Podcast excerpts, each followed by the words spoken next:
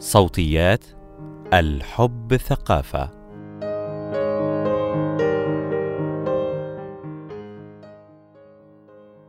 من المعروف طبيا أن الإمتاع الذاتي فوائد عديدة طالما لم يتحول الأمر لعادة قهرية أو إدمان ولكن هل توجد أشكال من ممارسات إمتاع الذات يمكن اعتبارها مضرة؟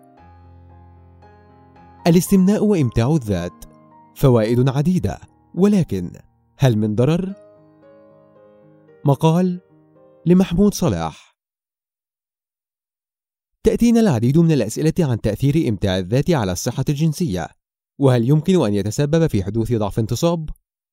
بالرغم من كون هذا الاعتقاد منتشرا إلا أنه أسطورة فإمتاع الذات أو الاستمناء ممارسة صحية ولا تتسبب في ضعف الانتصاب أو أي مشكلات صحية ما دام يمارس باعتدال تناولت إحدى الدراسات حالة شخص كان يؤمن أن الاستمناء سبب له ضعف انتصاب. ولكن بعد متابعة جيدة وأخذ تاريخ مرضي منه تبين أنه مصاب باكتئاب شديد. وبعد تلقي العلاج المناسب وبعض النصائح من الطبيب تمكن هو وشريكته من إصلاح ذلك واستعادة حياتهما الجنسية. وتوضح تلك الدراسة أن إمتاع الذات في حد ذاته ليس سببا لضعف الانتصاب ولكن للجانب النفسي دورا مهما وأساسيا في صحة الانتصاب. ما المعدل المناسب للاستمناء أو إمتاع الذات؟ يمارس البعض إمتاع الذات يوميا بينما قد يمارسه البعض الآخر أسبوعيا أو حتى أكثر من مرة في اليوم. لا يوجد معدل ثابت أو مثالي لممارسة إمتاع الذات ننصح الناس الالتزام به ولكن يختلف المعدل المناسب من فرد إلى آخر. ببساطة طالما لا يؤثر إمتاع الذات على وظائفك اليومية وعلى حياتك النفسية والاجتماعية بالسلب فهو ممارسة صحية وطبيعية. وطبقا للعديد من الأبحاث لإمتاع الذات فوائد عديدة. منها مداعبة الأعضاء الجنسية أحد طرق استكشاف الجسد ومناطق الاستثارة. إجباع الرغبة الجنسية الحد من التوتر والضغط النفسي. يساعدك على النوم بشكل أفضل. تحسين احترامك لذاتك وصورة جسدك عبر التواصل مع الجسد. يساعد في علاج بعض المشاكل الجنسية عبر عدة تمارين أو ممارسات بتوجيه من المعالج أو المعالجة. يخفف من تقلصات الدورة الشهرية. تقوية عضلات الحوض والشرج ولكن ما الخط الفاصل بين إمتاع الذات كسلوك صحي وبين ممارسته بشكل قهري أو كما يسميه البعض بإدمان إمتاع الذات؟ لا تستخدم الجمعية الأمريكية للطب النفسي مصطلح الإدمان عند الإشارة إلى إمتاع الذات.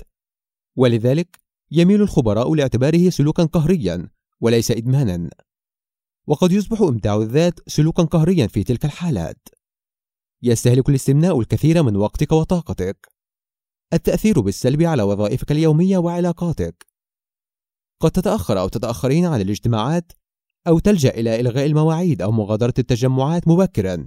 لممارسة الاستمناء. تمارس أو تمارسين الاستمناء في الأماكن العامة أو في أماكن غير مريحة بسبب عدم القدرة على الانتظار للعودة إلى المنزل.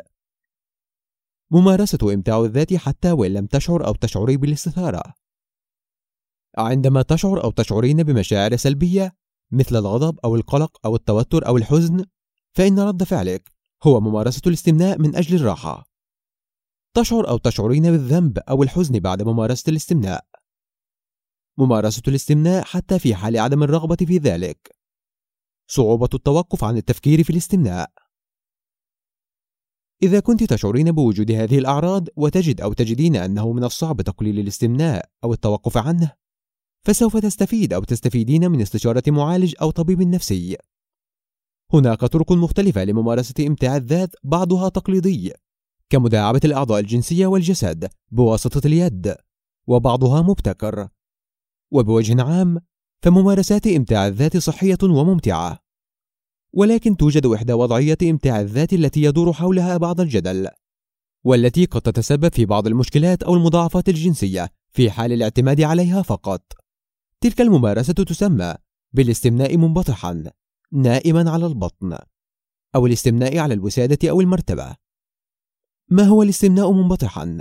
masturbation هو إحدى التقنيات التي يستخدمها البعض أثناء الاستمناء حيث يتم فيها مداعبة الأعضاء الجنسية في أغلب الأحيان القضيب عن طريق الفرك مع الوسادة أو المرتبة أو اليد أحيانا في وضع النوم على البطن وتعرف باسم ال prone masturbation. من المهم توضيح أن المعلومات المتوفرة حول هذه الممارسة محدودة جدا وغير مؤكدة. وما زالت خاضعة للدراسة. هل له أي أضرار صحية؟ أغلب الأفراد يمارسون إمتاع الذات بالطريقة التقليدية عن طريق مداعبة القضيب باليد إلى أعلى وأسفل برفق وممارسة إمتاع الذات بتلك الطريقة كما أوضحنا ليس مضرا بل بالعكس له العديد من الفوائد. ولكن نسبة قليلة تعتمد على طريقة أخرى أثناء الاستمناء وهي الاستمناء نوما على البطن. وفرك القضيب في الوسادة أو المرتبة أو اليد. كما ذكرنا الدراسات حول هذا النوع من الاستمناء محدودة جدا. تلك الطريقة تختلف عن ممارسة الجنس في الواقع مع شريك أو شريكة. وتذكر الجمعية العلمية للطب الجنسي أن الاعتماد على هذه الطريقة فقط أثناء إمتاع الذات أحيانا قد يتسبب في ضعف أو صعوبة في المحافظة على الانتصاب عند ممارسة الجنس مع شريك أو شريكة. بالإضافة إلى تأخر في القذف أو الوصول للنشوة الجنسية. بخصوص تأخر القذف كأحد المضاعفات تعرف الرابطة الأمريكية للطب النفسي القذف المتأخر بصعوبة حدوث القذف حتى مع وجود انتصاب قوي ووجود إثارة جنسية كافية عادة لمدة أكثر من نصف ساعة ودوام أو تكرار هذه الحالة عند الرجل. يرجع تأخر القذف إلى أسباب عديدة وقد يكون منها الاستمناء بالوضع المنبطح لأن هذا الوضع يزيد من الضغط على منطقة الحوض والأعصاب الموجودة بتلك المنطقة مما يصعب الوصول إلى النشوة الجنسية في وضع آخر نظرا لعدم توفر نفس معدل الضغط ولذلك من المهم أخذ تاريخ جنسي مفصل عند التعامل مع مثل هذه الشكوى. كيفية التعامل معه؟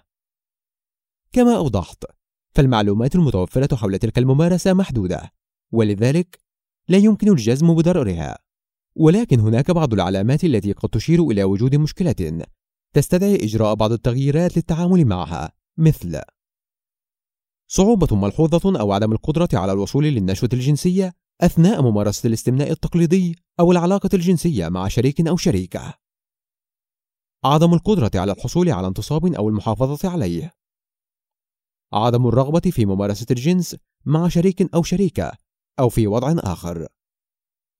عند ملاحظة أي من تلك الأعراض، فذلك هو الوقت المناسب لاستشارة الطبيب أو الطبيبة أو المعالج الجنسي. وهنالك بعض النصائح لمنع حدوث تلك المضاعفات، وهي: التنويع في ممارسات إمتاع الذات وعدم التركيز فقط على الاستمناء في تلك الوضعية.